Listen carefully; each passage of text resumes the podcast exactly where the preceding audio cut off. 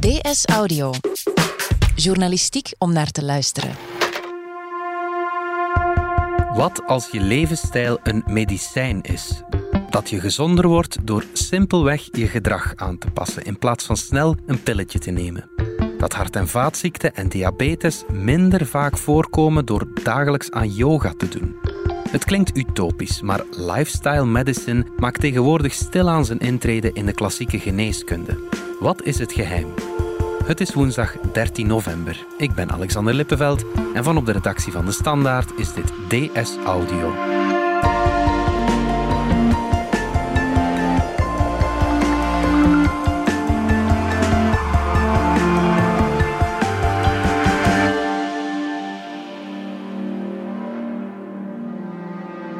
Velebeel, binnenlandredactrice. Jij bent gaan praten met professor Reginald de Schepper. Wie is dat? Dat is een antropoloog verbonden aan de VUB. Dag, mevrouw. Goedendag. Vele. Reginald. Hij is daar uh, professor uh, in de lifestyle geneeskunde. Oké. Fijn dat u mij uitgenodigd heeft. Uh. Ja, het is tof dat u tot hier komt. Ja. Hij heeft een boek geschreven dat heet Je levensstijl als medicijn. Ja, en over dat boek wou je met hem praten? Ja, omdat het een boeiend boek is. Mm -hmm. Ik heb het gelezen. Het boek daagt uh, de klassieke geneeskunde een beetje uit. Ja, ja, dan gaat er bij sommige mensen een klein alarm af. Ja, maar het is, hij bedoelt het niet tegen de geneeskunde. Het is geen aanval op de geneeskunde. Het is een aanvulling erop. We, we zeggen absoluut niet dat we geen geneeskunde nodig hebben. Uh, en men mag ons zeker ook niet in het hoekje van alternatief. Het is niet alternatief, maar het is ook helemaal niet tegen de geneeskunde. Het gaat eigenlijk over hoe je langer gezond kunt blijven, hoe je langer kunt leven, maar vooral langer gezond kunt leven.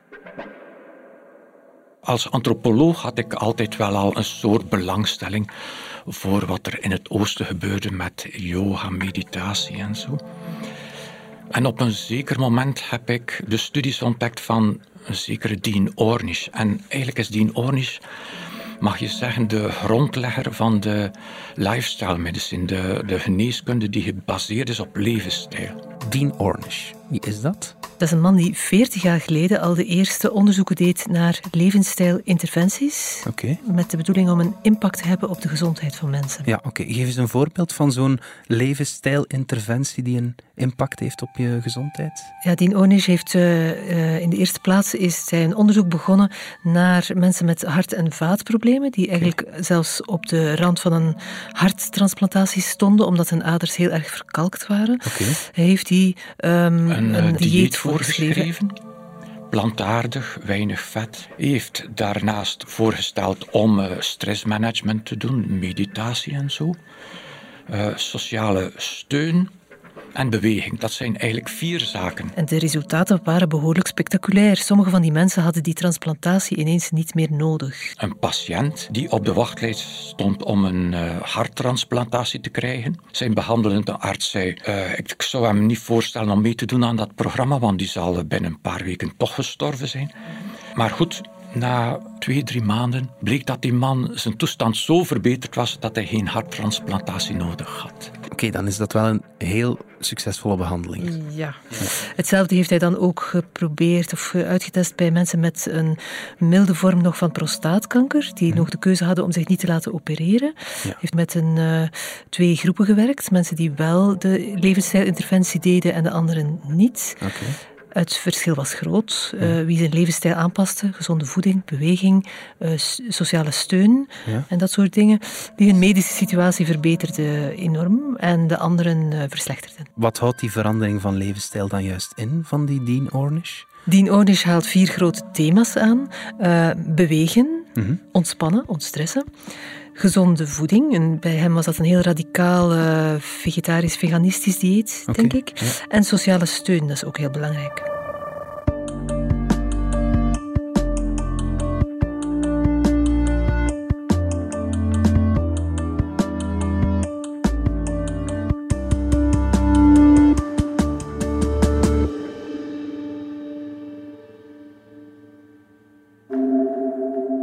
Gaat dus eigenlijk om een gezonde geest in een gezond lichaam. Dat is een heel oude wijsheid. Mm -hmm. Hoe ziet professor uh, Reginald de Schepper dat in zijn boek? Professor de Schepper voegt aan die vier lijnen van Dean Ornish nog drie belangrijke zaken toe. Hij heeft het ook over uh, het belang aan een goede slaap en vooral voldoende slaap. Mhm. In de gehaaste samenleving van vandaag slapen we steeds minder, Mhm. minder uren. Dat is eigenlijk niet zo goed. Mhm. Ehm, hij heeft het ook over uh, een gezonde omgeving. Die kiezen we niet altijd zelf, maar het is belangrijk om uh, goede lucht te ademen en niet te veel vervuilende stoffen in te ademen. Ja. En dan verder ook uh, een positieve mindset en zingeving. Weten waarvoor je opstaat s morgens. Een Ja. doel hebben in je leven. Het beste is een combinatie. Het is beter om niet enkel voeding te doen en dan na twee weken te zeggen, en nu zal ik ook bewegen. Omdat er een soort synergetisch effect is. Als je weinig slaapt, heb je de neiging om uh, meer te eten. En wanneer slaap je weinig? Als je meer gestrest bent. En wanneer ben je veel gestrest? Als je weinig beweegt. Dus je ziet, al die zaken hangen aan elkaar. Dus probeer op al die zaken iets te doen. Dus professor De Schepper heeft het ook over een verandering van levensstijl, net als Dean Ornish, en de impact die dat kan hebben op onze gezondheid. Wil hij ook zeggen dat een levensstijlverandering ons kan genezen als je ziek bent en dat daardoor klassieke geneeskunde niet meer nodig is? Ja, geneeskunde zal altijd nodig zijn. Als jij hier uh, nu een hartinfarct krijgt, dan bellen we een ambulance en brengen we je naar het ziekenhuis. Soms moet ook uh, chirurgie eraan te pas komen bij kanker. Uh, is chemotherapie ook wel nodig in, in vele gevallen. Dus we willen zeker niet zeggen, laat dat vallen en kies in de plaats voor levensstijlaanpassing. Het beste is nog altijd om ziekte te voorkomen. Maar we kunnen ook heel wat ziektes genezen. Het een sluit het ander niet uit, het is een aanvulling op elkaar. Ja, dus het, is, het gaat niet om alternatieve geneeskunde, Nee. zoals dat dan heet. Nee. Tegelijkertijd kan de levensstijlaanpassing er wel voor zorgen dat mensen die ziek zijn zich beter voelen en misschien ehm, beter evolueren in die ziekte. Diabetes is echt een mooi voorbeeld uh, waar levensstijl een zeer grote invloed heeft. En waar dat je ook, eens je de ziekte hebt, met levensstijlaanpassingen de ziekte kan omkeren. Er zijn echt hele mooie voorbeelden van mensen die uh, jarenlang medicatie genomen hebben en die in een week tijd met levensstijlaanpassingen alle medicatie hebben gestopt. Lifestyle medicine is dus veelbelovend, maar geneeskunde is nog steeds nodig, dat zegt professor De Schepper. Maar staat elke arts ook achter zijn zienswijze, achter het feit dat je levensstijl, je gezondheid effectief kan verbeteren? Ik denk dat uh, die gedachte meer en meer ingang vindt, hoewel artsen daar misschien klassiek niet in opgeleid zijn. Nee, ja. um, het klinkt ook erg simpel, hè, dat je Ja. door anders eten en meer bewegen gezonder zal blijven, maar uh, blijkbaar werkt het toch. De klassieke aanpak in de geneeskunde is nog altijd wacht totdat er symptomen zijn en behandelt dan dat symptoom. Maar de achterliggende factoren veranderen niet. En dat is wat men met levensstijl doet. En dat is een andere benadering. En artsen zijn niet zo opgeleid. Maar ik krijg meer en meer artsen die beseffen dat dit echt wel werkt. Zeker als ze de literatuur gelezen hebben. We hebben bij ons nog steeds de neiging om, als je ziek bent, naar de dokter te gaan, om een pilletje te vragen, of desnoods om meer natuurlijk. Hebben we in het Westen daar nog steeds een veel te groot vertrouwen in, in die klassieke geneeskunde, in medicijnen die ons snel beter kunnen maken? Wel ja, de schepper verwijst naar het, uh, de zelfhelende kracht van het lichaam. Als je een simpel voorbeeld, als je in je vinger snijdt, dan hoef je eigenlijk niet veel meer te doen dan, ja, eventueel wassen of ontsmetten, plak erop doen, maar in principe geneest dat vanzelf. Ja. Hetzelfde is eigenlijk met roken. Uh, het blijkt dus dat als je rookt, als je stopt met roken, je lichaam begint quasi onmiddellijk met die schade die je aangericht hebt te genezen. Maar natuurlijk, als je na twee uur weer uh, een sigaret opsteekt, kan dat niet genezen. Uh, je lichaam is ook veerkrachtig. Uh, die chronische problemen zoals hartaandoeningen, diabetes, dat duurt dikwijls decennia voordat tot uiting komt. Dat betekent mensen kunnen echt tientallen jaren ongezond leven zonder dat ze er veel problemen aan hebben. Is het daarom dat mensen het zo moeilijk vinden, omdat het zoveel tijd vraagt om hun levensstijl aan te passen? We zien geen directe effecten en we Ja. plukken de vruchten er, er later pas van. Ja, ik denk dat mensen wel vrij snel effecten voelen van een levensstijlaanpassing. Als je veel beweegt, als je gezonder eet, dan ga je je ook fitter voelen. Wat je niet merkt, is het effect van ongezond leven. Dat mhm. duurt veel langer voor er een chronische ziekte opduikt. Ja, ja, ja. Er is een Chinees uh, spreekwoord dat zegt... De, eerste 30 jaar... jaar van je leven kun jij je gezondheid zo wat jennen en uitdagen. Daarna zal de gezondheid als je die slecht behandeld hebt, jou uh, plagen en uh, met allerlei kwaaltjes. Er zijn stilaan scenario's waarbij men rekening houdt met het feit dat de jongeren nu de eerste generatie kunnen zijn die vroeger zullen sterven dan hun ouders. Professor De Schepper zegt hier dat jongeren vandaag misschien vroeger of jonger sterven dan hun ouders. Hoe komt dat? Ja, dat is een, een toekomstscenario. Hè. En ook in, in de Verenigde Staten zien we al dat de gemiddelde levensduur een beetje aan het dalen was. In De jongste cijfers. Bij ons stijgt het nog. Het is natuurlijk omdat onze omgeving is veranderd. Ehm, mensen die leefden in een samenleving waar ze vroeger makkelijk oud werden, hadden een heel andere omgeving, kregen ander voedsel aangeboden, hadden niet zo snel een zittend beroep als wij, uh, zaten niet de hele dag binnen. Um, ja, dat is alles allemaal veranderd. Uh, het aanbod aan slechte voeding is enorm in onze omgeving. Je moet dus al heel bewust kiezen voor een gezonde levensstijl. Ja, en dat is misschien moeilijk voor jonge mensen. En er is vandaag misschien ook meer stress in het dagelijkse leven van de mensen dan mm pakweg 30, 40 jaar geleden. Ja, professor De Schepper zegt dat er ook onderzoek is dat aantoont dat we nu uh, sneller stappen, bijvoorbeeld. Als je van punt A naar B, dat doen we sneller dan zoveel jaar geleden. Je zou kunnen zeggen dat is een indicatie van hoe gehaast wij zijn. Ja, wij, hebben altijd te weinig tijd. Wij koersen van het een naar het andere. Die primitieve volkeren, zoals men dat noemt. Ik noem het liever traditionele volkeren, want er zit daar veel wijsheid bij die we overboord gegooid hebben. Die nemen hun tijd om uh, naast het werk, om samen te zitten, uh, om te palaveren, zoals men dat noemt. Wat zijn de fysieke gevolgen van stress? Het heeft, geeft een, volgens hem een groter risico op hart- en vaataandoeningen. En het uh, verkort je telomeren. Telomeren, ja. leg dat eens uit. Ja, hij heeft mij dat uitgelegd, want ik ben daar ook niet zo'n expert in. Uh, telomeren zijn de uiteinden uh, aan je genen, geloof ik. Een beetje zoals het plastiekje aan een veter. Telomeren, dat zijn een soort kapjes op het einde van de chromosomen. Die beschermen ons wanneer dat cellen moeten vernieuwd worden, dus bij eh, duplicatie van cellen. Maar dat is net zoals met een kopieerapparaat. Als je kopie neemt van een kopie van een kopie, uiteindelijk wordt die kopie moeilijk leesbaar en komen er daar fouten in. Dus dat vermindert onvermijdelijk. En als dat uh, vermindert, en, uh, lopen we steeds meer kans op problemen zoals cellen die ja, zich niet meer houden aan de, laten we maar zeggen, de regels en beginnen kankerweefsel uh, te vormen en, en uitgroeien tot tumoren.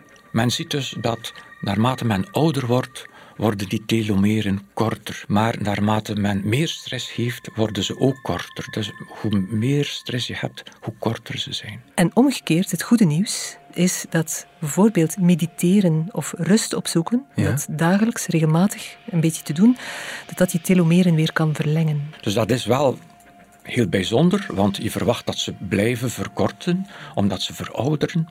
Als ze verlengen, betekent dat eigenlijk dat je cellen aan het verjongen zijn. En door simpele zaken zoals meditatie.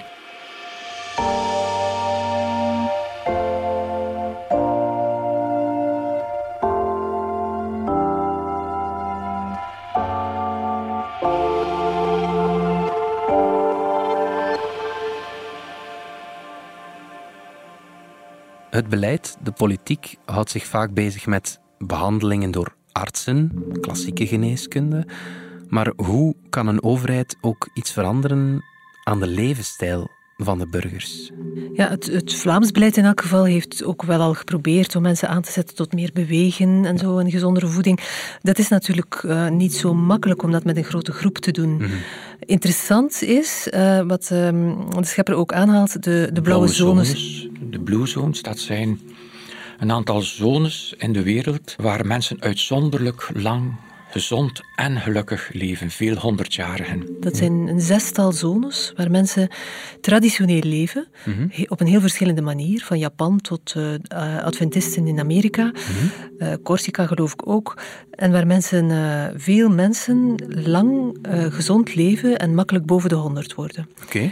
De vraag is, hoe hebben ze daar geleefd, de mensen die daar honderd zijn geworden? En kunnen we dat kopiëren? Dat zou heel interessant zijn. Ja, is dat mogelijk? Kan je dat blauwe zonnemodel ergens installeren? Wel, in Amerika heeft iemand dat geprobeerd. Mhm. In een gebied waar veel uh, hart- en vaataandoeningen voorkwamen. Dan Butner, een van de onderzoekers, heeft het initiatief genomen om uh, blauwe zones opnieuw te creëren. En wat heeft hij gedaan? Hij is gaan praten met de overheid en heeft gezegd van kijk, laat ons dat probleem hier een keer grondig aanpakken door de omgeving te veranderen. Zijn jullie bereid? We gaan kijken hoe wonen mensen daar en wat kunnen we doen om hun gezondheid te verbeteren. Bleek dat uh, mensen uit een bepaalde woonwijk zich moesten verplaatsen naar hun werk langs een hele drukke baan mhm. waar geen plaats was voor fietsen of stappen. Ze hebben die baan grondig aangepakt. Ze hebben daar een mooie laan van gemaakt. Men heeft gezien, het aantal fietsers, wandelaars is beginnen stijgen.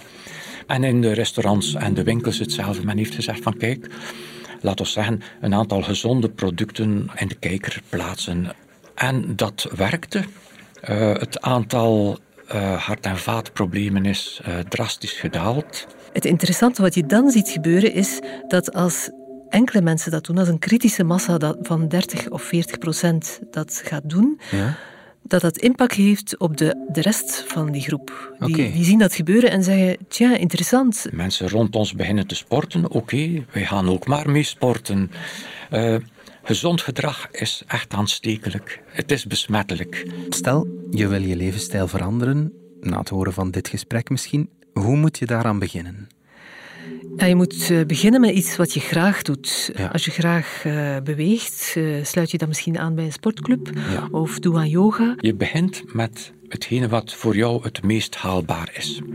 Als je zegt, ik heb een hekel aan mediteren en stilzitten, dan zou ik daar niet mee beginnen. Maar als je zegt, ja, groenten, ik eet eigenlijk wel graag groenten. Oké, begin dan met groenten te eten. Of begin met volkoren.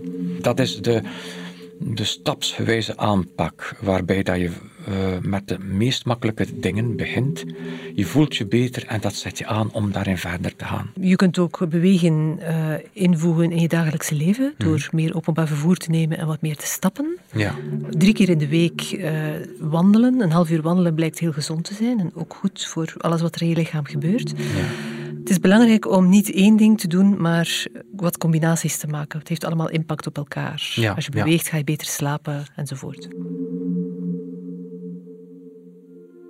Maar stel, je bent ziek, je hebt diabetes of je hebt een hartprobleem, dan moet je misschien een radicalere aanpak gaan hanteren of niet? Ja, als je ziek bent, zou ik toch uh, altijd uh, eerst naar de dokter gaan en het advies van de dokter vragen. Tuurlijk, ja. misschien zullen je dokter ook wel even moeten ervan overtuigen dat je het ook via je levensstijl wil aanpakken. Mm -hmm. En niet meteen alleen het pilletje, mm -hmm. maar dat je bereid bent om ook je voeding, je beweging, je manier van leven aan te passen. Ja. Um, maar doe dat in gesprek met je dokter. Ja, oké, okay, goed. Vele Beel, dankjewel. Graag gedaan.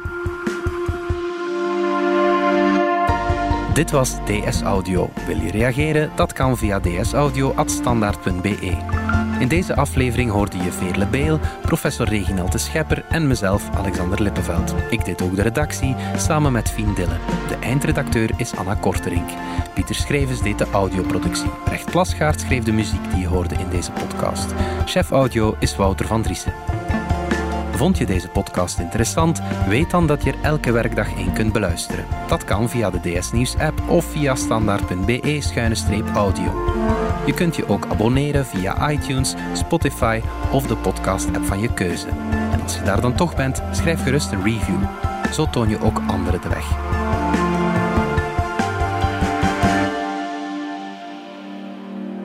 Morgen zijn we opnieuw.